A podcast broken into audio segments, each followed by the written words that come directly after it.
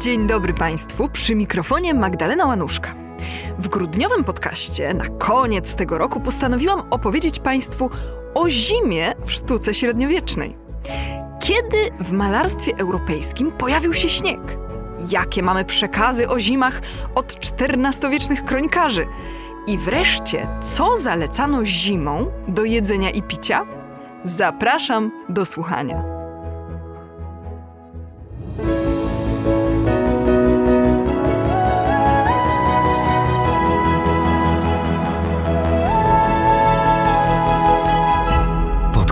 Tygodnika Powszechnego. Weź, słuchaj. Żyjemy dzisiaj w czasach zdecydowanie zbyt szybko postępującego globalnego ocieplenia. No, nasze zimy są coraz mniej śnieżne i mroźne, aczkolwiek oczywiście zdarzają się znaczne opady śniegu. Zmiany klimatyczne często zresztą wiążą się nie tyle z wyraźnie odczuwalną różnicą średnich temperatur, ile z nasilaniem się zjawisk ekstremalnych. Tak też było w późnym średniowieczu. Na okres między X a XIII wiekiem przypadło tak zwane optimum klimatyczne. W Europie było raczej stabilnie ciepło, o czym może świadczyć rozwinięta uprawa winorośli, nawet w częściach kontynentu bardziej wysuniętych na północ. Niestety, po roku 1300 nastąpiła zmiana, najprawdopodobniej wywołana kumulacją erupcji wulkanów rozwinęła się tak zwana mała epoka lodowcowa, której apogeum przypadło na okres od drugiej połowy XVI do XVIII wieku. Niektórzy badacze uważają, że na wzmocnienie tej małej epoki lodowcowej wpłynęły destrukcyjne działania kolonizatorów w Nowym Świecie. Mordując rdzennych mieszkańców, Europejczycy mieli doprowadzić do odrośnięcia puszczy na terenach, które wcześniej Indianie uprawiali.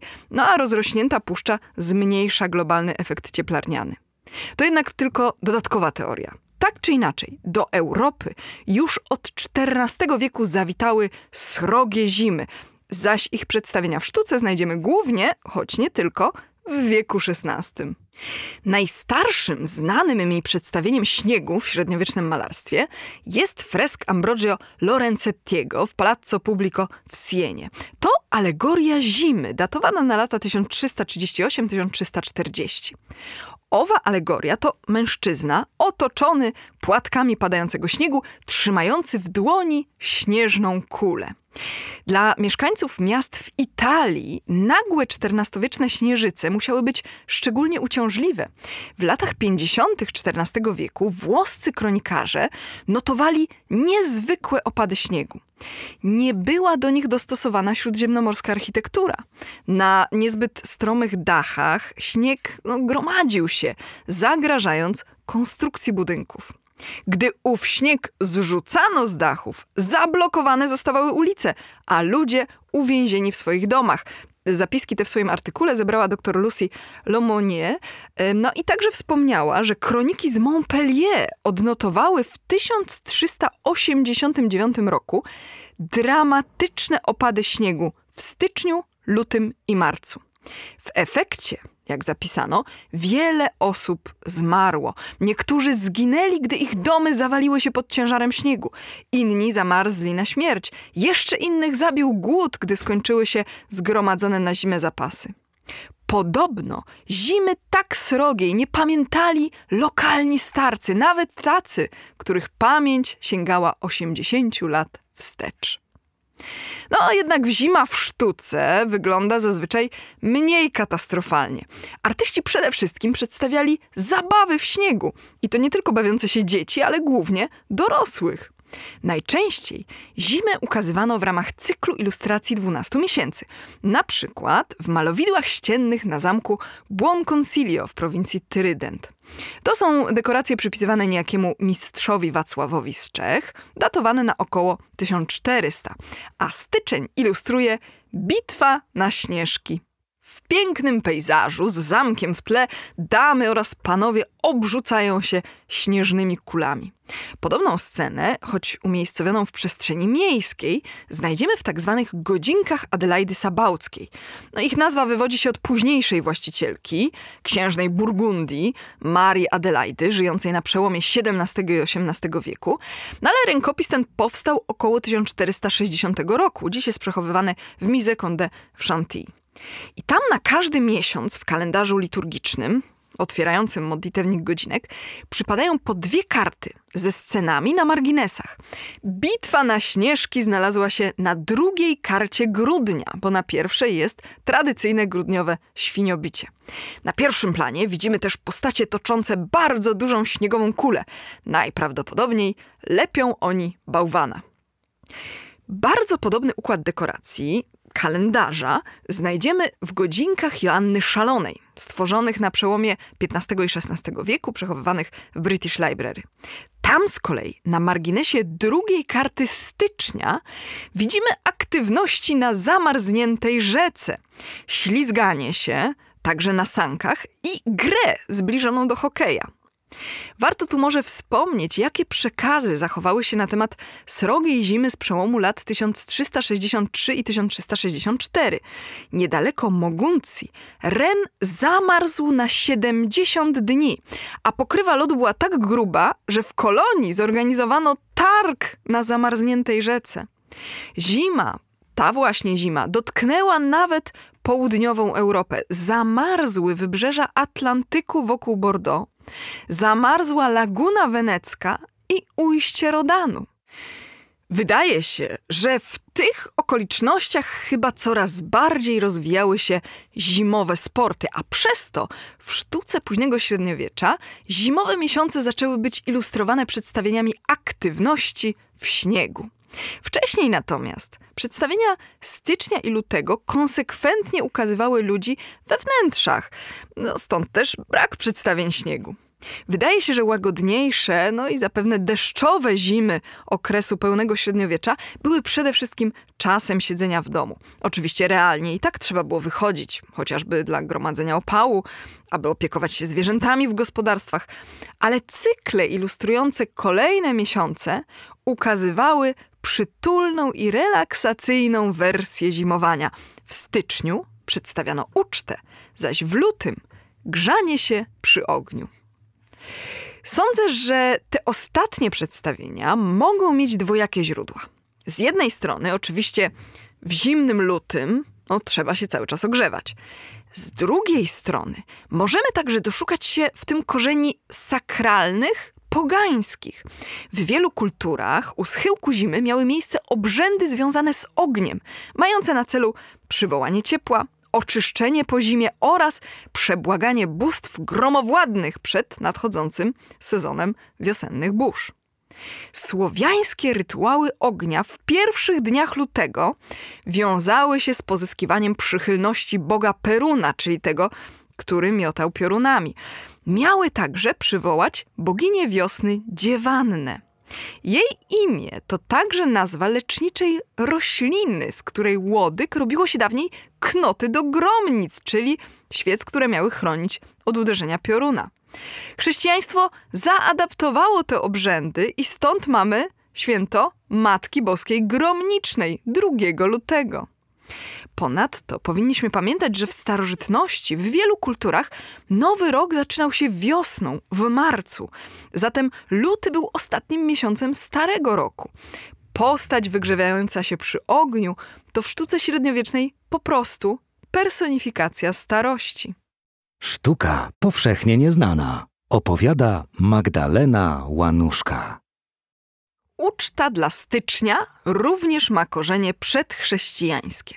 Nasze dzisiejsze Boże Narodzenie i karnawał to dla starożytnych były Saturnalia, święta narodzin niezwyciężonego słońca czy małe Dionizje, gdy otwierano młode wino. Oczywiście styczeń to też po prostu był czas wyjadania zgromadzonych jesienią zapasów.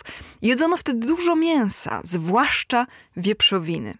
Grudzień w średniowiecznych kalendarzach zawsze ilustrowało tradycyjne o tej porze roku świniobicie. A co jeszcze spożywało się zimą? Aby się dowiedzieć, sięgnijmy do dzieła pod tytułem Taquinum Sanitatis, czyli do średniowiecznego podręcznika dotyczącego zdrowego stylu życia, który był oparty na arabskim dziele Ibn Butlana z Bagdadu, zwanym Tabele Zdrowia. Powstało to w połowie XI wieku, w Europie stało się popularne w tłumaczeniu na łacinę z wieku XIII. Ja już kilka razy mówiłam Państwu o tej księdze. Przykładowo, poleca ona na zimę konsumpcję ciężkich czerwonych win. W tej kwestii polecam Państwa uwadze mój podcast z września poświęcony właśnie winu i winobraniu. Z jedzenia na zimę i w północnych regionach Taquinum Sanitatis zaleca wołowinę i, co ciekawe, mięso z wielbłąda, szczególnie dla młodych ludzi i osób o gorących temperamentach. Cała koncepcja tych tabel zdrowia oparta jest na teorii humoralnej, czyli że są cztery temperamenty, które, no jak niemal wszystko w przyrodzie, charakteryzują się kombinacją czterech cech: ciepły, zimny, suchy i wilgotny. Podlegały temu też pory roku. Zima była określana jako zimna i wilgotna. Ponieważ zdrowie miało być wynikiem równowagi, to zakładano, że na daną porę roku, czy też dla osób o określonym temperamencie, dobre są takie składniki, które mają właściwości przeciwne. Czyli na zimną i wilgotną porę roku zalecano produkty, których natura miała być ciepła i sucha. Na przykład koper, buraki, kapustę czy warzywa selerowate. A ponadto kandyzowaną skórkę z pomarańczy. No, nie chodzi jednak o słodką pomarańczę chińską, którą dziś znamy, bo ona pojawiła się w Europie dopiero u schyłku średniowiecza. Wcześniej natomiast na terenach południowych znano tak zwaną gorzką pomarańczę, opisywaną jako trudną do strawienia, ewentualnie z winem, i raczej do jedzenia nadawała się głównie właśnie jej kandyzowana skórka. Ponadto na zimę i dla osób starszych polecano rodzynki jako pomagające na trawienie i na wątrobę. Jesień i zima to oczywiście także sezon na dojrzewanie oliwek. Wpis poświęcony oliwie w Takuinum Sanitatis osobno określa oliwę z owoców dojrzałych, świeżą, która rozluźnia jelita i działa przeciwko robakom. Polecana ona była zimnym temperamentom, osobom starszym zimą i w regionach północnych. Ostrzegano jednak, że może osłabiać żołądek. Tymczasem świeża oliwa z niedojrzałych oliwek miała z kolei wzmacniać żołądek i była zalecana wszystkim i zawsze. Trzeba jeszcze podkreślić, że w takuinum sanitatis pojęcie zdrowia rozpatrywane jest holistycznie. Podkreśla się znaczenie równowagi, w tym także zależności pomiędzy zdrowiem fizycznym i dobrostanem psychicznym. Nie da się mieć zdrowego ciała, jeśli nie zadbamy o spokój umysłu. Wiele chorób bierze się po prostu z nerwów, tak uważano już w średniowieczu. Stąd wśród aspektów zdrowego życia w rękopisach Takuinum Sanitatis pojawia się konfabulator, czyli opowiadacz, gawędziarz. Wspólne gromadzenie się w izbie przy ogniu w celu wysłuchiwania różnych historii jest jednym z elementów budowania dobrego samopoczucia. Pomaga, jak przeczytamy, na zdrowy sen, wspiera trawienie i podnosi na duchu. Wysłuchiwanie opowieści szczególnie służyć ma dzieciom, ale zalecane jest każdemu, zwłaszcza w zimie. Ilustrację z jednego z rękopisów Takuinum Sanitatis, ukazującą zimowe wysłuchiwanie opowieści, możecie Państwo już teraz zobaczyć na stronie mojego podcastu w serwisie Tygodnika Powszechnego, obok reprodukcji innych dzieł, o których wspominałam w dzisiejszym podcaście.